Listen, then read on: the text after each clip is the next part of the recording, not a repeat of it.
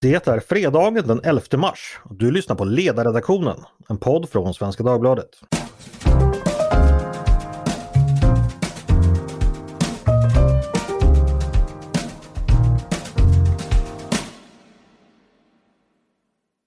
Välkomna ska ni vara. Jag heter Andreas Eriksson. Det är som sagt fredag och då är det förstås dags för oss på ledarredaktionen att som vanligt samlas för att gemensamt försöka få något vettigt ur den pågående samtiden. Med mig för att göra det har jag idag följande utmärkta personer. Paulina Neuding exempelvis. Välkommen hit! Tack så mycket! Hur har din vecka varit? Eh, jobbig. Det, det, är inte speciellt kul att följa det som händer. Nej, det är inga vanliga tider. Nej. Eh, med oss också har vi Maria Ludvigsson. Välkommen du också! Tack så mycket! Är du lika dämpad och bedrövad som Paulina? Ja, det är man ju märkligt nog. Det, så är det. Även om det är vår och vackert ute så är det, det, det är en skarp kontrast till världsläget. Så är det verkligen. Och förstås Tove Livendal. Välkommen hit! Tack Andreas! Hur står det till hos dig då?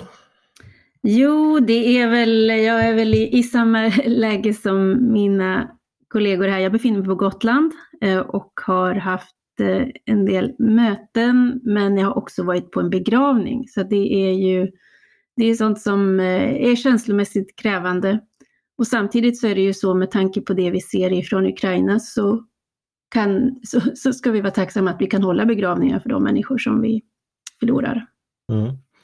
Kan jag berätta, eh, bara för att med något litet, litet ljus bryta bilden, att på vårt morgonmöte i morse så visade du upp några snödroppar du hade plockat i trädgården. Ja, det gjorde jag och det är ju sådär, man får försöka både för eh, sin eh, hälsas skull och ja, för att få ork så måste man naturligtvis också se de saker i tillvaron som är ljusa och de här vår, vår, vårtecknen och solen och blommorna eh, var inne och köpte lite extra tulpaner igår. Det kanske är eskapism men det är ändå någonting som ger glädje att bara betrakta. Jo men så är det och det är ju trots allt så att eh, oberoende av mänsklig galenskap och krig och våld och ond bråd död så rasar ju våren där ute. Eh, tussilagon har börjat titta fram i, i dikena och ljuset återvänder. Eh, och vi får väl också försöka ställa vårt hopp till det, att det finns en värld där ute som, som rullar på och göra vårt bästa för att vår tid ska bli så bra som möjligt ändå. Eh... Ja, och, och framförallt tycker jag ändå man, att, att bedrövelsen måste ju vändas till handlingskraft. Så mm. att vi kan se till att fler kan eh, obehindrat njuta av våren på samma sätt som eh, vi normalt sett gör. Och i vårt fall, eftersom vi är ledarmedarbetare, så är ju vår handlingskraft att tycka och tänka och analysera. Så det ska vi försöka göra. Och idag kommer det, ja, som, som minst sagt antydigt då, återigen att handla om kriget. Eh, det ryska överfallet på Ukraina eh, har nu pågått i över två veckor. Och det är ju det absolut viktigaste som sker eh, i världen just nu. Och det finns en hel del olika vinklar och perspektiv. Jag tänkte vi skulle börja lite med, den, eh, med, med svensk horisont för att eh, i Fredagspodden förra veckan, ni som lyssnade då, ni minns säkert att då efterlyste vi och framförallt vår gästpanelist Claes Arvidsson eh, både försvarspolitisk och säkerhetspolitisk handling eh, från regeringen och han och vi kritiserade då också regeringen för senfärdighet i båda dessa frågor. Under den här veckan har vi fått svar. Eh, vi kan säga väl att det är ett ganska bra svar och ett mindre bra svar om man sammanfattar. Och vi ska börja med det mindre bra eh, och det rör ju NATO. Vi fick ju besked om det tidigare i veckan. Magdalena Andersson berättade på en presskonferens som hon hade efter partiledaröverläggningarna att hon och regeringen inte avser att söka medlemskap i NATO nu för att det skulle som hon uttryckte destabilisera situationen ytterligare. Eh, jag tror jag börjar med dig Tove. Du reagerade ganska eh, hårt på det här beskedet. Vad, vad, hur gick dina tankar när du hörde det?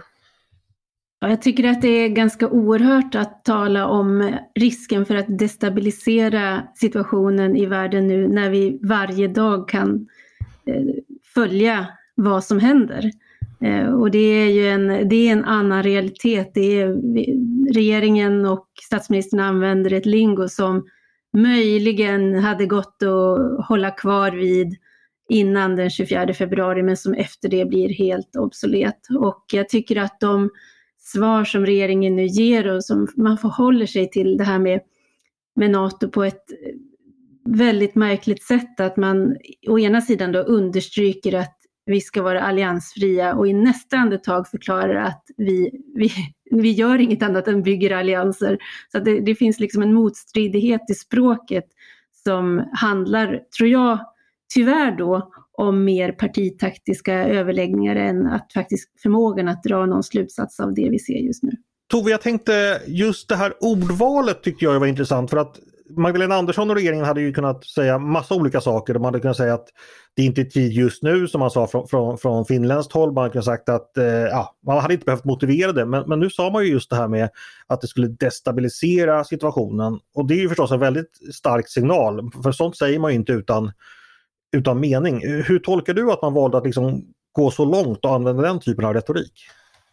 Jag, jag, jag, tycker att det är obegripligt och jag förstår faktiskt inte. Vi hade ju en podd i veckan där jag försökte ta hjälp av Ann-Sofie Dahl och Patrik Oksanen att försöka förstå meningen i detta. För att om man ska ta henne på orden och tänka att det här är Sveriges säkerhetspolitiska linje, då har vi ju på något sätt redan sagt att vi, vi kapitulerar inför den ryska logiken och synen på världen.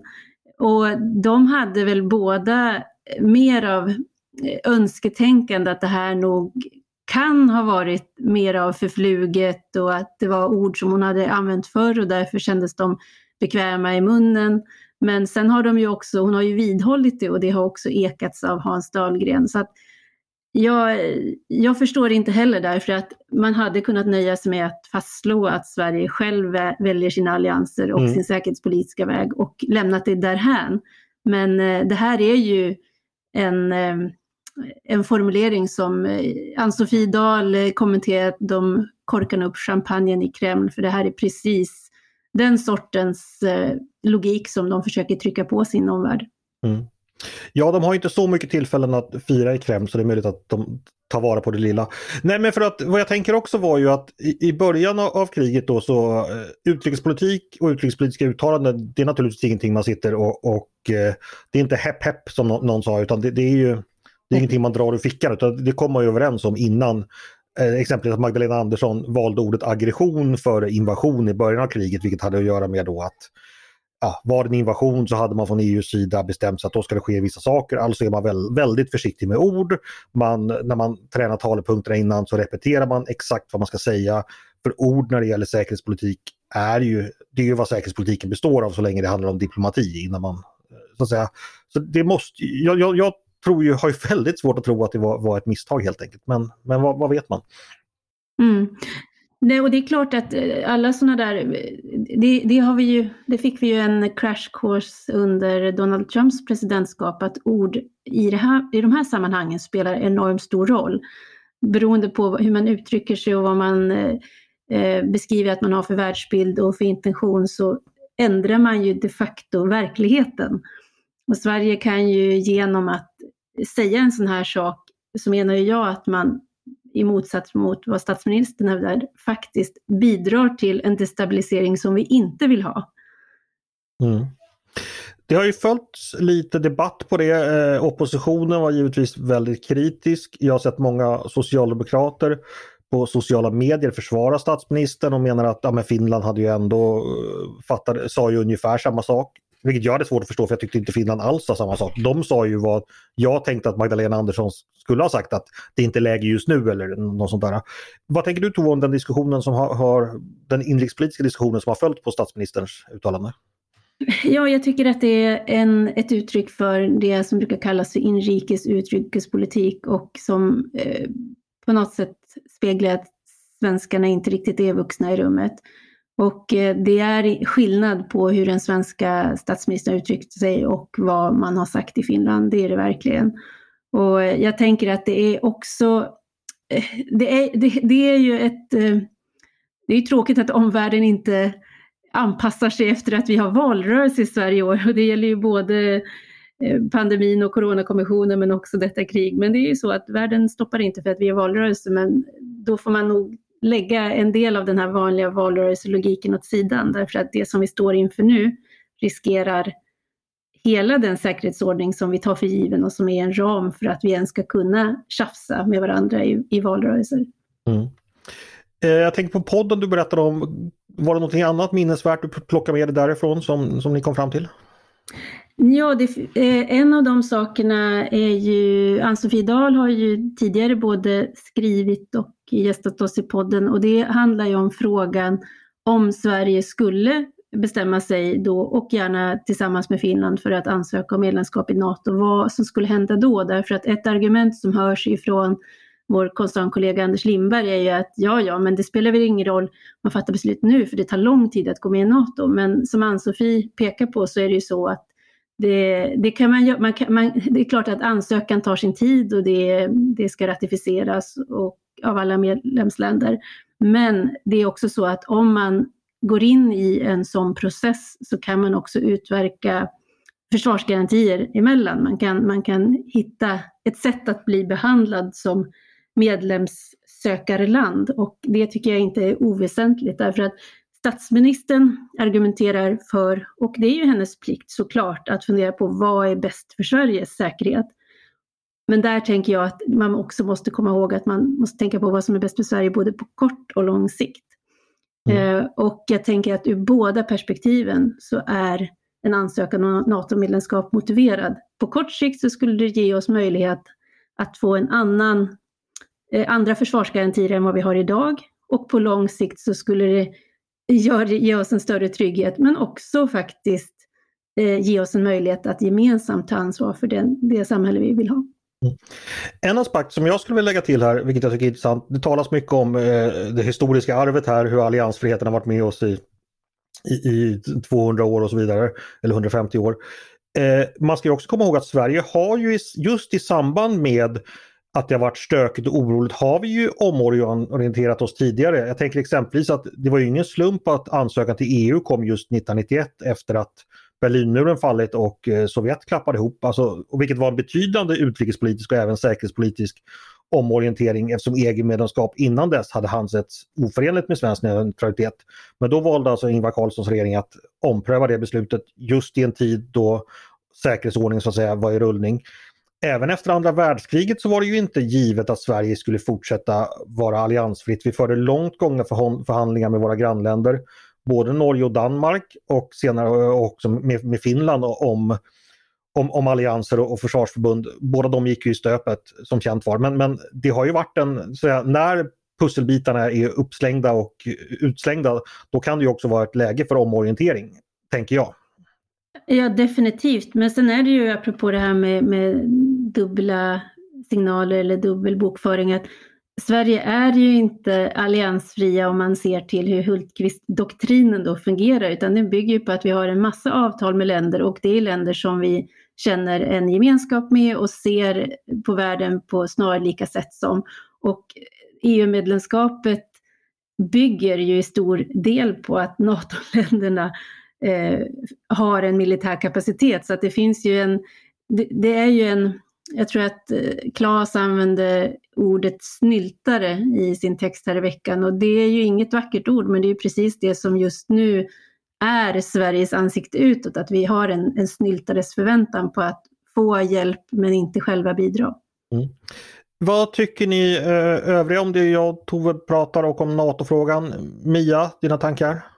Eh, jag tycker det här är svårt därför att det är i vanliga fall i fredstid då kan man diskutera det på ett annat sätt. Då kan jag tycka att sånt här uttryck som det har tjänat oss väl eh, inte hör hemma i säkerhetspolitiska sammanhang därför att det blir, det blir en väldig eh, en blick bara på vad som är bäst för oss och inte för helheten, alltså vad är rätt och fel. Men jag förstår samtidigt att det är precis just det som en eh, statsminister måste tänka på. Vad är bäst för landet? Men nog finns det en motsättning där i som handlar om eh, på vilken sida ska man stå? Ska man ta ställning och finnas med på det vi ser då som den goda sidan? Eller ska man, eh, som Sverige historiskt har gjort, spela korten på ett sätt så att vi klarar oss undan? Mm. Eh, Paulina, dina tankar? Ja, men det är det här som Tove är inne på att även om man man kan vara motståndare till svenskt NATO-medlemskap med legitima skäl för all del. Men att uttrycka det så som Magdalena Andersson gjorde, det är, eh, det är rätt allvarligt i den situation vi befinner oss i. Att godta den ryska lägesbeskrivningen på det sättet och säga att det skulle destabilisera regionen. Det är väldigt olyckligt. Mm. Ja, det är enig. Och det är det, det är det som har varit obehagligt, att det, det är på något sätt att mm, acceptera det som är den, den onda delens beskrivning av verkligheten och göra det till vår egen. Så det, varför gör man det? Mm. Det är ju det både jag och Tove famlade över tidigare. Eh, Tove, avslutningsvis till dig då. Hur kommer den här frågan gå vidare då inrikespolitiskt? Vi vet att de borgerliga partierna är ju anhängare av NATO-medlemskap. Sverigedemokraterna har väl landat i att de vill se över frågan. Men regeringen säger alltså nej. Vad, vad, vad tänker du kommer ske härnäst? Jag hade någon läsare som hörde av sig och var väldigt frustrerad och sa, men varför, eftersom det nu finns, det går att samla en majoritet i riksdagen, varför samlar man bara inte ihop eh, riksdagen, typ avsätter regeringen och kör? Och det, det, svaret på det är ju att det, det, är, det är inte bra. Vi ska ha en säkerhetspolitisk linje som är brett förankrad och som håller oavsett valresultat. Och det är därför det är viktigt att Socialdemokraterna kan komma till insikt om vad det är som försiggår och vilken som är Sveriges uppgift nu. Det finns ju väldigt många saker vi kan göra, civilsamhället gör mängder av fantastiska insatser eh, i detta nu, men det finns beslut som bara regeringar och partier kan fatta. Och eh, därför så, så hoppas jag ju att de svenska socialdemokraterna eh, fortsätter att hålla en väldigt aktiv och snabb dialog med sina finska kollegor och att man kan gemensamt göra en, en verklighetsanalys eh, av vad det är som sker.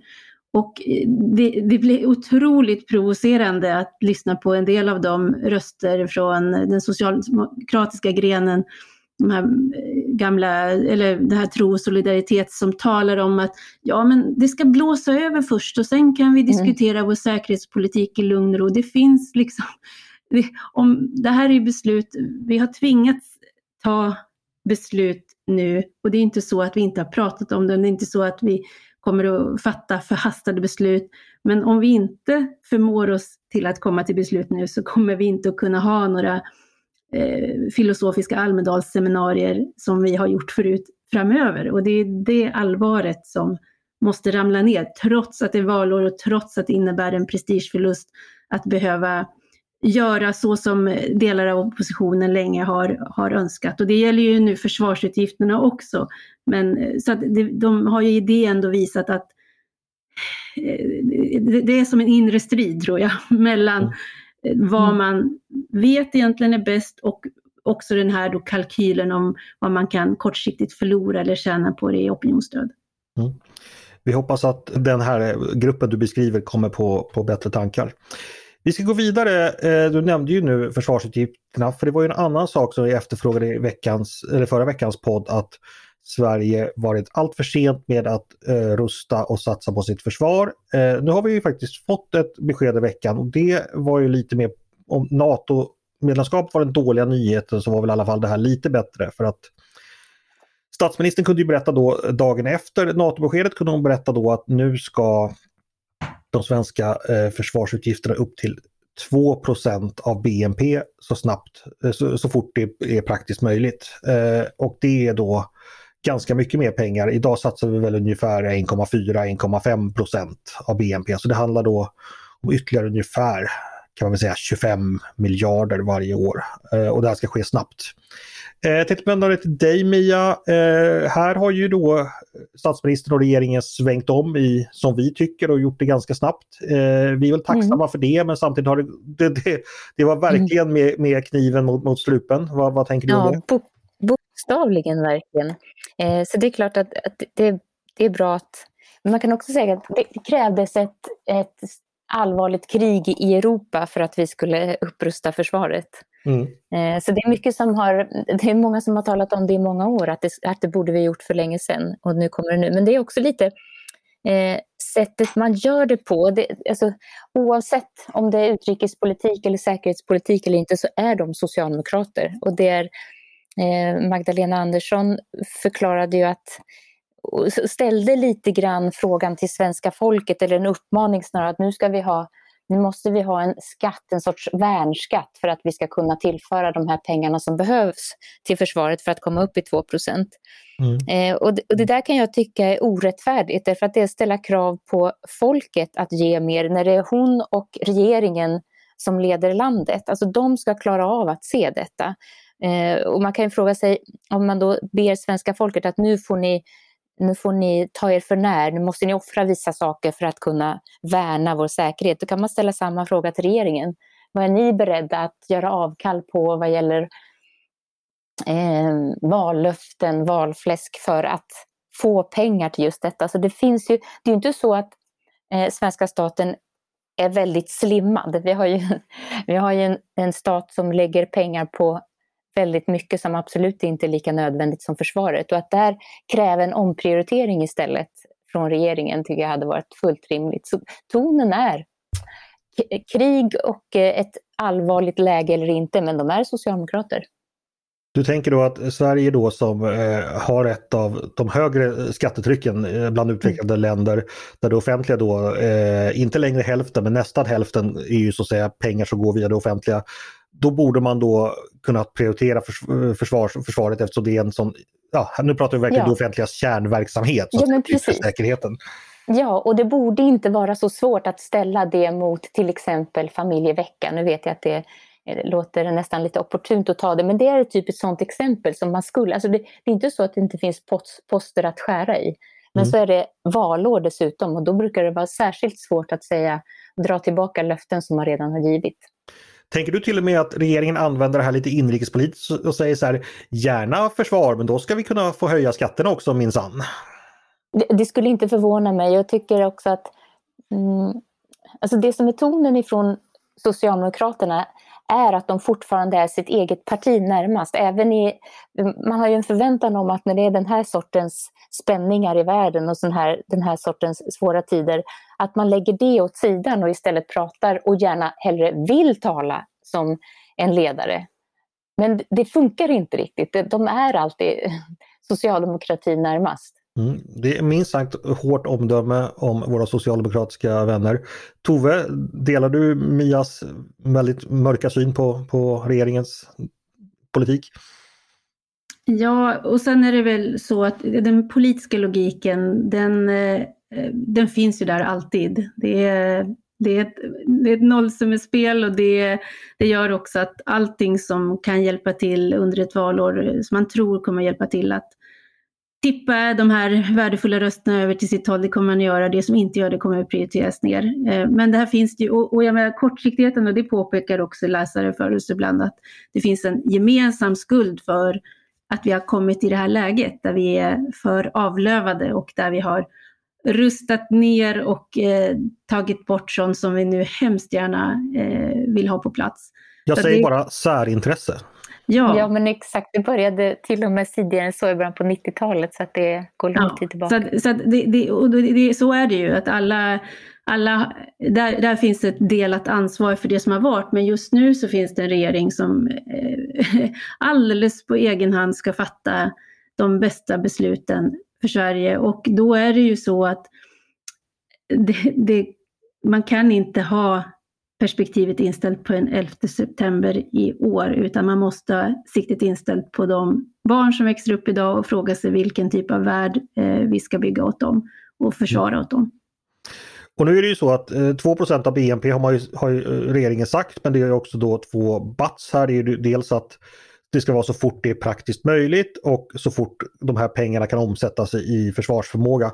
Så det blir att fortsätta att ligga på antar jag och bevaka frågan och se till att det här verkligen blir verklighet nu för att när det är praktiskt möjligt är ju naturligtvis en politisk fråga. Den kommer ju stötas och blötas och förhandlas fram och tillbaks misstänker jag. Eller vad tror ni? Ja absolut och det är ju det som är, är eh, gör att jag det, är ett hurra med ett, ett gement H. Det är inget versalt H på mitt hurra därför att eh, det är som jag tänker på den här eh, eh januariöverenskommelsen, eh, punkterna där som var skrivna så som att när, när det är möjligt då ska vi göra de här sakerna och precis som du säger när det är möjligt det är ju en subjektiv uppfattning. Hade man bundit sig och talat mer om tydliga årtal så hade jag hade mitt hurra varit större. Just nu är det ju eh, en viljeinriktning, men viljan betyder ingenting om det inte åtföljs av handling. Eh, Paulina, ska vända mig till dig. Det här med försvaret har ju då det, det har funnits ett gemensamt ansvar för att rusta ner Sverige. Under lång tid så tyckte man både till höger och vänster att det inte var så viktigt. Eh, varför blev det så, tror du? Vi har sett samma fenomen på en massa viktiga politikområden. Migrationen var samma sak, det var höger och vänster tillsammans. Skolans nedmontering, höger och vänster tillsammans. Samma sak med försvaret. Så att det har funnits en bred politisk samsyn om att eh, vi behöver inte vara bättre rustade än så här och, eh, och sent ska syndaren vakna. Mm. Jo, eh, men, men, eh, om man vänder på så här. Är försvaret en höger-vänster-fråga egentligen? Eh, alla borde väl vara, ha samma intresse av att vi, vi, vi kan bevara vår demokrati och vårt sätt att leva så att säga. Egentligen borde det inte vara det, nej. Och jag menar, det, vi... det kanske är det förklaringen att först mm. var alla på nedrustning och nu är alla på upprustning och sen är det på marginalen. Några hinner mm. ändra sig några månader före de andra så att säga. Ibland så hittar man ju, vi bråkar ju ibland om höger och vänster även på redaktionen kan vi avslöja. Eh, och vem som är åt vilket håll. Men det, alltså det finns ju en, en eh, man kan gå tillbaka till någon sorts minsta gemensamma nämnare där man börjar diskutera vad är det staten ska göra och inte. Och där kan man väl säga att medan högern då i, i någon traditionell mening talar om att staten ska vara begränsad men stark och kärnuppgifterna måste man klara men den ska hålla sig liten. Medan vänstern då hellre ser att staten har ansvar för allt möjligt. Och det är onekligen svårare att ha ansvar för allt om pengarna ska, ska räcka bara till om pengarna måste räcka även till framförallt till de viktigaste frågorna. Så är det. Nu, nu, ska jag bara berätta för er förfärade lyssnare att det är naturligtvis så att det förekommer diskussioner mellan höger och vänster och så vidare på redaktionen. Men jag kan lugna er med att eh, jag är ju varken höger eller vänster utan jag är folkpartist och har därmed rätt jag ser till att eh, diskussionerna ändå landar på ett förnuftigt sätt enligt gråskalan. Du är som en magister som håller ordning på, på diskussionen. Exakt. Jag, jag, känner en före detta folkpartist eller liberal som säger att i det partiet är det så bra för där får man tycka lite som man vill. Ja, mm. exakt. Bara man har rätt. Det, det är det viktiga.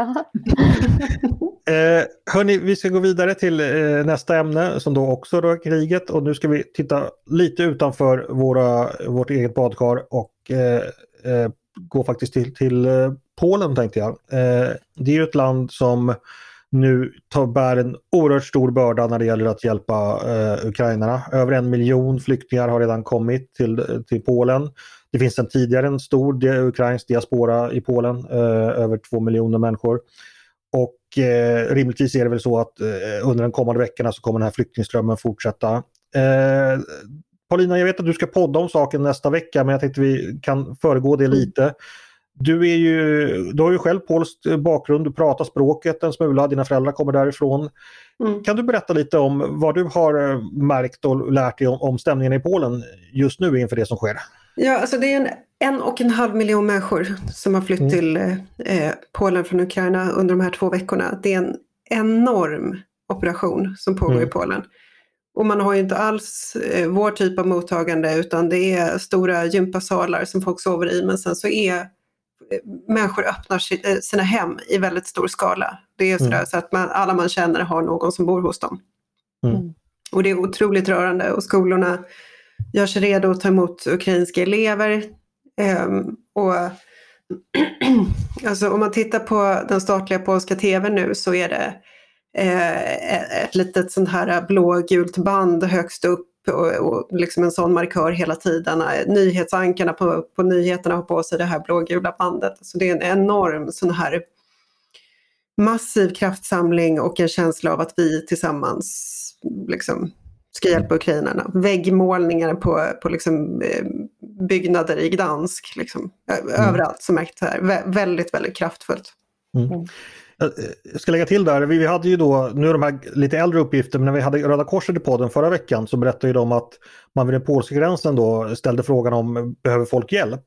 Och då visade det sig att de flesta behövde faktiskt ingen hjälp, de ville bara komma över gränsen, ja. jag tror det var 9 av 10, för att ta sig till släktingar runt om i Polen. Eh, mm. Så att det fanns redan en ganska stark civil infrastruktur där. Det kan ju mm. förstås ha förändrats nu med de, de stora volymerna nu förstås. Men Men för det är väldigt många då som åker och bor hos, hos släktingar eller vänner eller bekanta eh, eller Mm. egna nätverk runt om i Och det, det är ofta så när man träffar ukrainare eh, att många kan polska och har bott i Polen eller har liksom tillhör den, den här lilla etniskt polska minoriteten som trots allt finns i Ukraina. Och så så att Mm. Hur är det Paulina, du, du som kan polska, hur nära är ukrainska, hur nära ligger de slaviska språken varandra? Har man Mm. möjlighet att förstå varandra? Jag, jag kan inte ukrainska däremot, jag har knappt hört det, men jag har förstått att det ligger eh, hyfsat nära att man kan förstå varandra. Mm. Eh, snarare som tyska och svenska än som eh, norska och svenska. Men jag ska inte svära på någonting för jag, det där kan inte jag. Nej, okej.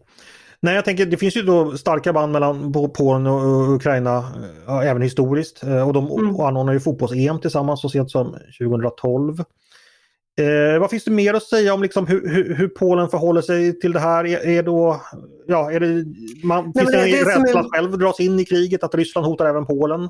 Absolut. Nu, nu var ju eh, Kamala Harris och Justin Trudeau precis i Warszawa och, och Kamala Harris gjorde stora markeringar om liksom, Polen är, är, utgör vår gräns mot eh, NATOs, NATOs gräns här och liksom, ja, olika Mm. säkerhetsgarantier. Eh, men det som är intressant i Polen också är ju att det här är ett land som är extremt politiskt splittrat. Och det som vi har upplevt i Sverige med liksom Sverigedemokraterna och diskussionen om konflikter och migrationer och sådär. Vi, vi kommer faktiskt inte i närheten av konfliktnivån i Polen. Där är det verkligen så att höger och vänster är extremt, extremt splittrade just nu. Den här eh, Anne Applebaum, författaren, har beskrivit hur människor som hon hade hemma hos sig på fest för 20 år sedan, hon korsar gatan för att inte prata med dem längre. Eh, hon är inte ensam om det, utan det är den typen av stämningar. Att, eh, ja, man, om, om man är liberal så pratar man inte med folk man känner som röstar på eh, eh, PIS, alltså eh, lag och rättvisa. Mm. Alltså, eh, inte alla förstås, men det, det finns en, en enorm konfliktnivå. Men det här lägger man åt sidan nu. Det är väldigt tydligt att man är väldigt förenade för att eh, hjälpa ukrainarna. Ja, och det finns ju naturligtvis också en polsk historia här och en historisk erfarenhet från att Polen blev ju faktiskt eh, uppdelad mellan sina två grannländer, har blivit det flera gånger i sin historia då, då Polen helt enkelt har upphört och existera för att Mm blivit ockuperade av sina st- stora grannar Ryssland och Preussen och Tyskland. Eh, Tove, vad tänker du när du hör det här och, och just Polens roll och vilket last man nu bär för att hjälpa broderfolket i Ukraina? Jag tänker att det är väldigt viktigt att vi eh, får höra om det som händer och att det kan hjälpa oss i för, vår förståelse av varandra. Därför att det är så lätt att bygga upp bilder på avstånd. Det går så snabbt och det har vi också genom forskning vet att du kan sätta olikfärgade armband på två grupper i ett rum, säga att nu ska vi göra ett, ett forskningsexperiment. Och man kommer, med den vetskapen så kommer man ändå se hur snabbt det går att dela upp i vi och dem. Mm. Och, och där är det ju risk för, och det är precis vad som kommer hända också med ryska folket nu, att eh, folk, folk bedöms utifrån kalibern på deras politiska ledare och det är farligt. Och Mm. det är det, ja, det är farligt, så att vi får ju passa oss för det. Och just därför så tror jag att det är väldigt viktigt att, den, att vi förstår det som händer i Polen nu, därför att det blir också en viktig motbild till den ganska ensidiga rapportering som vi har haft ifrån det landet. Ja, och på det temat, EU-parlamentet röstade ju för en resolution igår eh, som gick ut på att Polen och Ungern ska eh, straffas med att man tar ifrån dem coronafinansiering ur EUs coronafond eh, med hänvisning då till att man bryter mot eh, vissa demokratikriterier. Eh, Men att man gör det här nu när Polen precis har tagit emot 1,5 miljoner flyktingar, eh, går man och huset för att göra det här, att man då tar ifrån, eh, dels markerar på det här sättet eh, mot Polen och dels straffar Polen ekonomiskt. Extremt dålig, dåligt omdöme, dålig timing på den resolutionen. Jag tänker också att det finns ju någonting som är sådär, det är, det är en, en av män, människans svagheter och det är ju det här som vi ofta kan se i de här Twitter-debatterna som ju är en kloak, inte sällan av, av mänskligt beteende, men där då en, någon som har varit meningsmotståndare, om den personen landar rätt eller gör något bra, så blir det inte vad kul och vad bra. Mm. Utan då blir det, ja nu, nu, Nu passar duger det. det. Mm. Och det här kunde jag tänkt på förut och jag ska absolut säga att jag är säkert medskyldig till att ibland hemfalla åt sådana låga ins- instinkter. Men det måste ju också vara så att vi tänker att ja, men hela mänskligheten har utvecklats fantastiskt och man måste ju kunna, man måste kunna se eh, positiva tecken och bara ge erkänsla för det, Mm. tänker Mm. jag. Just det. Vi ska bara sy ihop eh, Polensäcken här med att säga att Paulina, nästa vecka så kommer eh, du göra en podd om, om just Polen. Så det kan vi väl tipsa Bland om. annat Polen. Mm. Med Adam Sveiman som är politisk chefredaktör på GP och Andreas Johansson Heine, statsvetare knuten till tankesmedjan Timbro. Just så. Eh, så det rekommenderar vi lyssning då nästa vecka. Eh, jag tänkte gå vidare och tänkte gå tillbaka till dig Tove, för vi brukar ju ha då det vi kallar eh, vår lilla skämtserie Så funkar en ledarsida. Och nu finns det ju anledning att fråga dig återigen, för nu är vi ju i ett väldigt särskilt läge när vi har ett krig i Europa. Eh, hur funkar en ledarsida då? Vad tänker du som chef extra på då? Och eh, ja, det finns ju massor med frågor men det är egentligen, ja, hur, hur tänker du helt enkelt? Eh, ja men det är väl som eh, man, man brukar säga att man skriver ju aldrig avtal och sådana saker för goda dagar utan för de dagar när det inte är bra. Mm. Och här tänker jag att när det, när det stormar och vi alla känslomässigt är slitna på olika sätt och påverkade av detta, då måste man hålla väldigt eh, hårt i liksom, hur gör vi? Hur ser publicitetsreglerna ut? Vad är etiken i journalistiken?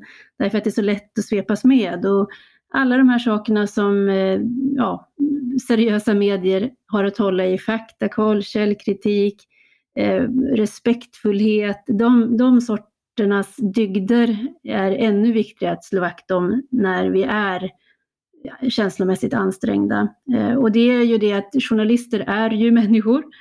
De går omkring nu, vi går alla omkring med oro, rädsla, sorg, vrede, förfäran, alla de här känslorna som normalt sett inte ska synas på ytan och eh, hanteras med väldigt eh, så eh, känslomässig distans. Alltså nu är vi liksom mitt i dem allihopa och då får vi, jag tror Mats Johansson uttryckte det att man ska hålla huvudet kallt, hjärtat varmt och krutet torrt. Och jag tror att det är precis den instruktion som gäller nu för oss som jobbar med detta. Mm. Och sen får man naturligtvis också, jag menar, eh, vi har ju förmånen kan man säga, jag tycker att det är det, att få ägna oss och ta hand om vår oro på arbetstid. Det är ganska många människor som måste trycka åt sidan det för att de får absolut Mm. inte hålla på och tänka på kriget och eh, konsekvenserna för att kunna sköta sina jobb. Så det är ju på ett sätt tycker jag en, en förmån. Sen, det, sen måste man ju vara varsamma med varandra för att vi har olika eh, sätt att hantera eh, oro. Så det får man väl vara lite extra lyhörd för. En fråga rent praktiskt det här med att eh, som chefredaktör, politisk chefredaktör välja mellan att skriva om så här, de vanliga frågorna och hur mycket man ska bevaka kriget. Eh, hur har du, tänker du där Tove? Ja, där får man gå på magkänslan och det finns ingen, det finns inga sådana tydliga eh, så här, på den tredje dagen eller sådär, utan där är vi ju i läsarnas tjänst och det gäller ju hela Svenska Dagbladet. Det förs ju eh, hela tiden interna diskussioner och man stämmer av och ser vad läsarna är och det, det viktiga är väl som när vi går upp i sådana här allvarliga nyhetslägen och när de blir när det blir såna här höga nyhetslägen, då är det ju alltid allvarliga och hemska saker. Det kan vara terrordåd eller som nu krig. Och då ska man väl också komma ihåg att en del läsare kommer inte bara, de kommer inte klara av att bara sitta och läsa detta, utan de kommer att behöva tänka på andra delar i tillvaron som ju också finns. Och det, Mm. Vi har ju också haft upp eh, pågående hemska saker som gäller liksom svensk kriminalitet och allt det där som vi, där vi var innan kriget bröt ut. De frågorna finns kvar och de tar inte paus. Eh, och eh, vår kollega Mattias Svensson påpekade idag att EU-byråkratin kör på och kommer nu att pressa igenom det här kvoteringsförslaget som vi har skrivit om tidigare, eh, vilket är djupt beklagligt och som bygger, bygger in nya problem som vi kommer att behöva hantera. Så det, det, det är absolut en, en svår avvägning för att eh, men, men man, jag tror man får känna från dag till dag och fundera på var både vi och läsarna befinner oss. Mm. Jag tänker ofta på att eh, ja, går till historien som jag ofta gör. Beslutet att bygga en tunnelbana i Stockholm, det tog mm. sommaren 1941, samma sommar som operation Barbarossa inleddes och då så att säga andra världskriget gick in i sin absolut hiskligaste och hemskaste del. Men då var det ändå så att man samlades i Stockholms stadshus och diskuterade ja, lokaltrafik och bestämde sig för att vi ska bygga en tunnelbana. Och så här 80 år efteråt så är vi ju tacksamma att de ändå fortsatte med sitt också, liksom att gjorde sina uppgifter. Mm. Att, eh, man började med planer man satte spaden i marken 1944 när kriget fortfarande pågick. Men så småningom kunde man inviga en tunnelbana som vi har glädje av än idag. Så att, ja, poängen med det är liksom att vissa saker får ju pågå ändå så att säga och mm. måste göra det också. Eh, för att det finns en Exakt. framtid där, där framme där, där vi, som vi också måste jobba för just nu. Jag tänker också att kriget i Ukraina eh, jag vet inte vad ni får för respons från läsarna men jag får ju från lyssnarna att det finns ett oerhört stort intresse för det här och det gäller väl tidningen som helhet att läsarna vill verkligen veta mer och att vi ska vara där. Eller vad, vad säger du Tove, vad har du fått för signaler?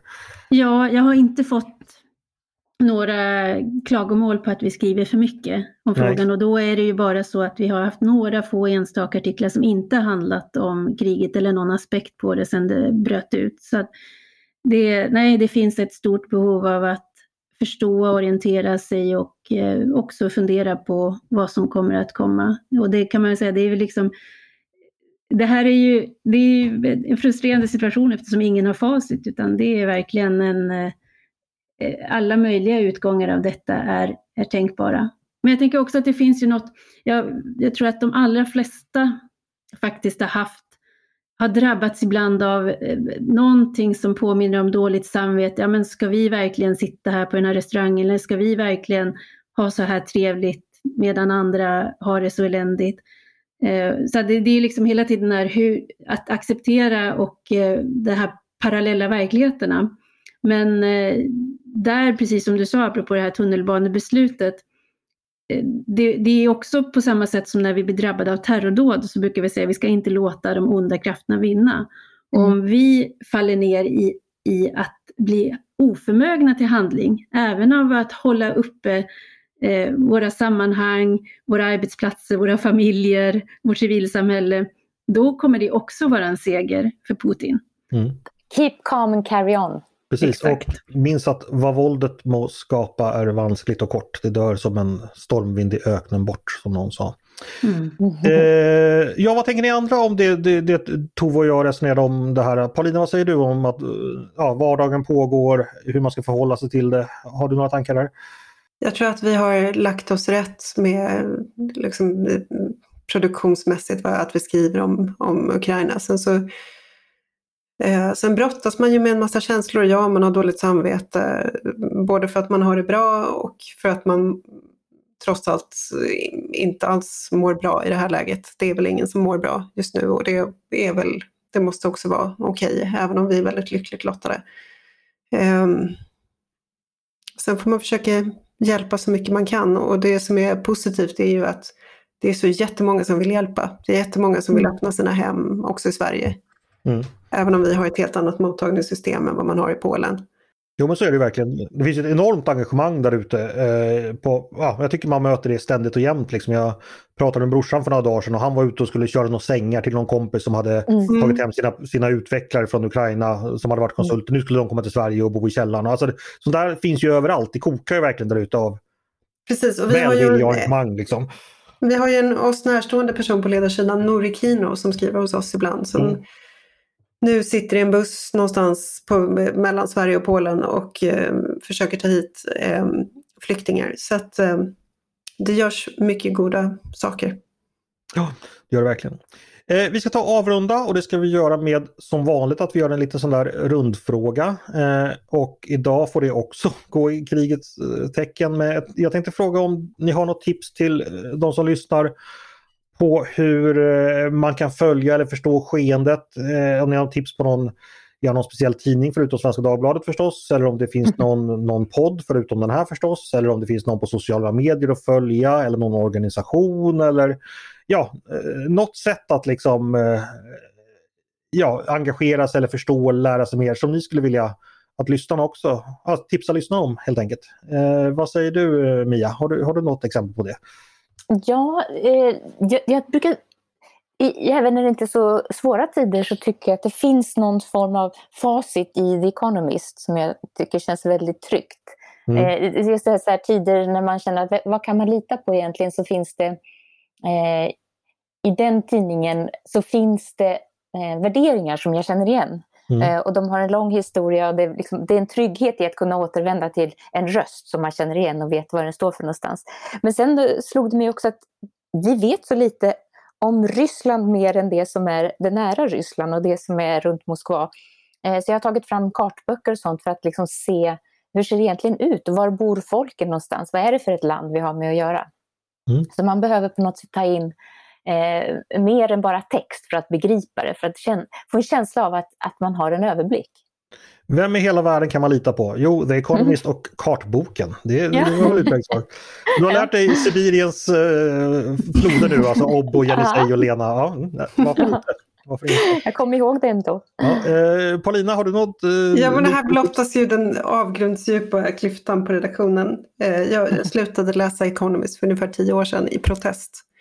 Eh, däremot så eh, tycker jag att Wall Street Journals ledarsida alltid eh, har intressanta röster. Nu senast var det Walter Russell Mead som skrev en väldigt intressant text om, om Putin och var han befinner sig och vad vi kan hoppas på. Och sen mm. så läste jag också alldeles nyss en väldigt bra text i The Spectator om resolutionen, EU-resolutionen mot eh, Polen. Mm. Eh, Spectator är en sån där mm. eh, stående rekommendation. Precis. Eh, The Economist, jag håller med dig Mia, eh, den började jag läsa redan när jag eh, började plugga. Ja, nej, mm. inte riktigt. Men jag, fick, jag fick den i julklapp mina föräldrar som, som tonåring och eh, mycket världsvan. Eh, jag, jag, jag, tror inte jag läste delarna som handlar om Latinamerika och Afrika så mycket. Men jag läste, om USA och Europa läste man ju alltid. Mm. Tove, vad säger du? Spectator och The Economist, eh, vad ska du köra på? Båda? no, alltså, Eller du kan välja något annat också. ja, generellt så, så är det, tycker jag det är jätteviktigt när det blir såna, den här sortens händelser som man, där man inte vill fastna i den svenska eh, det, bara det svenska perspektivet och allra helst inte med en regering som inte har tillräckligt stort synfält både framåt och utåt. Utan då är det just olika internationella fora är jätteviktigt och medier att söka sig till. Eh, och det kan ju bara vara att man sätter på en tv-sändning från BBC eller CNN för att se hur deras nyheter ser ut. Det är någonting annat än de svenska. Och det är inte för att säga att de svenska inte ska följas, men bara för att hjälpa sig själv och få perspektiv. Eh, så att i de här stunderna, då, det här som jag då skällde ut som kloak nyss, mm. sociala medier, det kan vara till hjälp om man följer rätt personer därför att man kan få mm. oerhört eh, nyttiga länktips och hitta artiklar som man annars inte hade hittat. Jag tycker alltid att jag har för dåligt samvete för att jag inte hinner läsa internationella medier så ofta som jag vill. Och så kan det ibland hjälpas upp av Jan-Erik Larssons mediekrönika på söndagen så kan jag ha en liten catch-up. Men, men just i sådana här lägen så tycker jag att då är Twitter faktiskt väldigt värdefullt om man då som sagt ser till att följa rätt personer. Men jag skulle också säga att för egen del så har det hjälpt mycket med de eh, eh, några möten som jag haft de senaste veckan som har gett eh, insikter och tankar som jag inte hade fått bakom skärmen.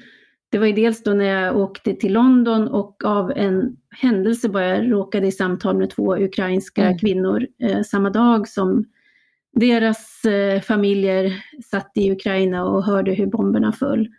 Eh, och sen så var jag då igår i Visby och träffade en grupp av invandrade akademiker som, jobb, som nu språktränar men också samhällstränar för att snabbt komma i jobb i Sverige. Och det, ja, där är det ju flera av dem som har flytt krig och som nu eh, sitter och funderar på vad det här betyder och att befinna sig på Gotland. Det blev också en, det, det kom under huden på ett annat sätt. Och sen har jag idag varit på begravningskaffe med gotlänningar och hört hur de har resonerat. Eh, som ändå befinner sig på en plats som säkerhetspolitiskt och militärt strategiskt är av stort intresse för den kraft som nu bombar barnsjukhus.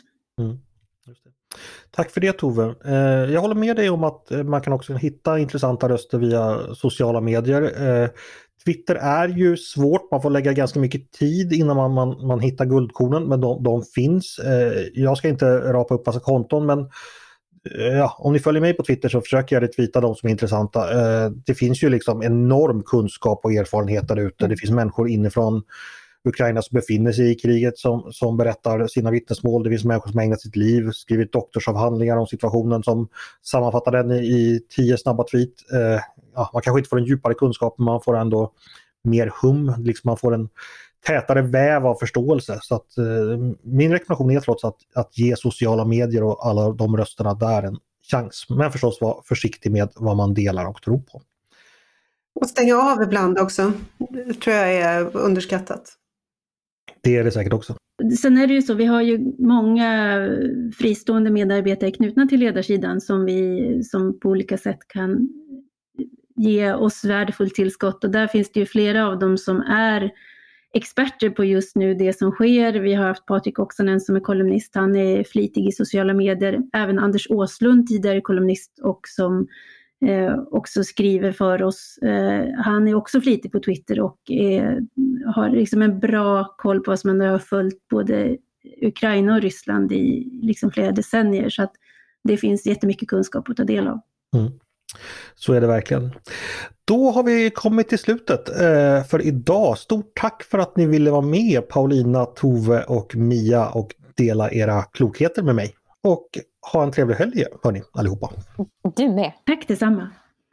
Och en stor trevlig helg vill jag då trots den mörka tid vi lever i förstås också önska eh, till er som lyssnar. Jag hoppas ni hade nytta och nöje av dagens samtal som då har varit ett avsnitt av Ledarredaktionen, en podd från Svenska Dagbladet. Precis som vanligt är ni jättevälkomna att höra av er till oss på redaktionen med tankar och synpunkter på det vi precis diskuterat. Exempelvis vår bevakning av kriget mot Ukraina. Eller om ni har idéer och förslag på andra saker vi borde ta upp i framtiden. Maila då bara oss på ledarsidan snabela svd.se. Stort tack för idag! Eh, dagens producent, han heter Jesper Sandström. Själv heter jag Andreas Eriksson och jag hoppas att vi hörs igen snart.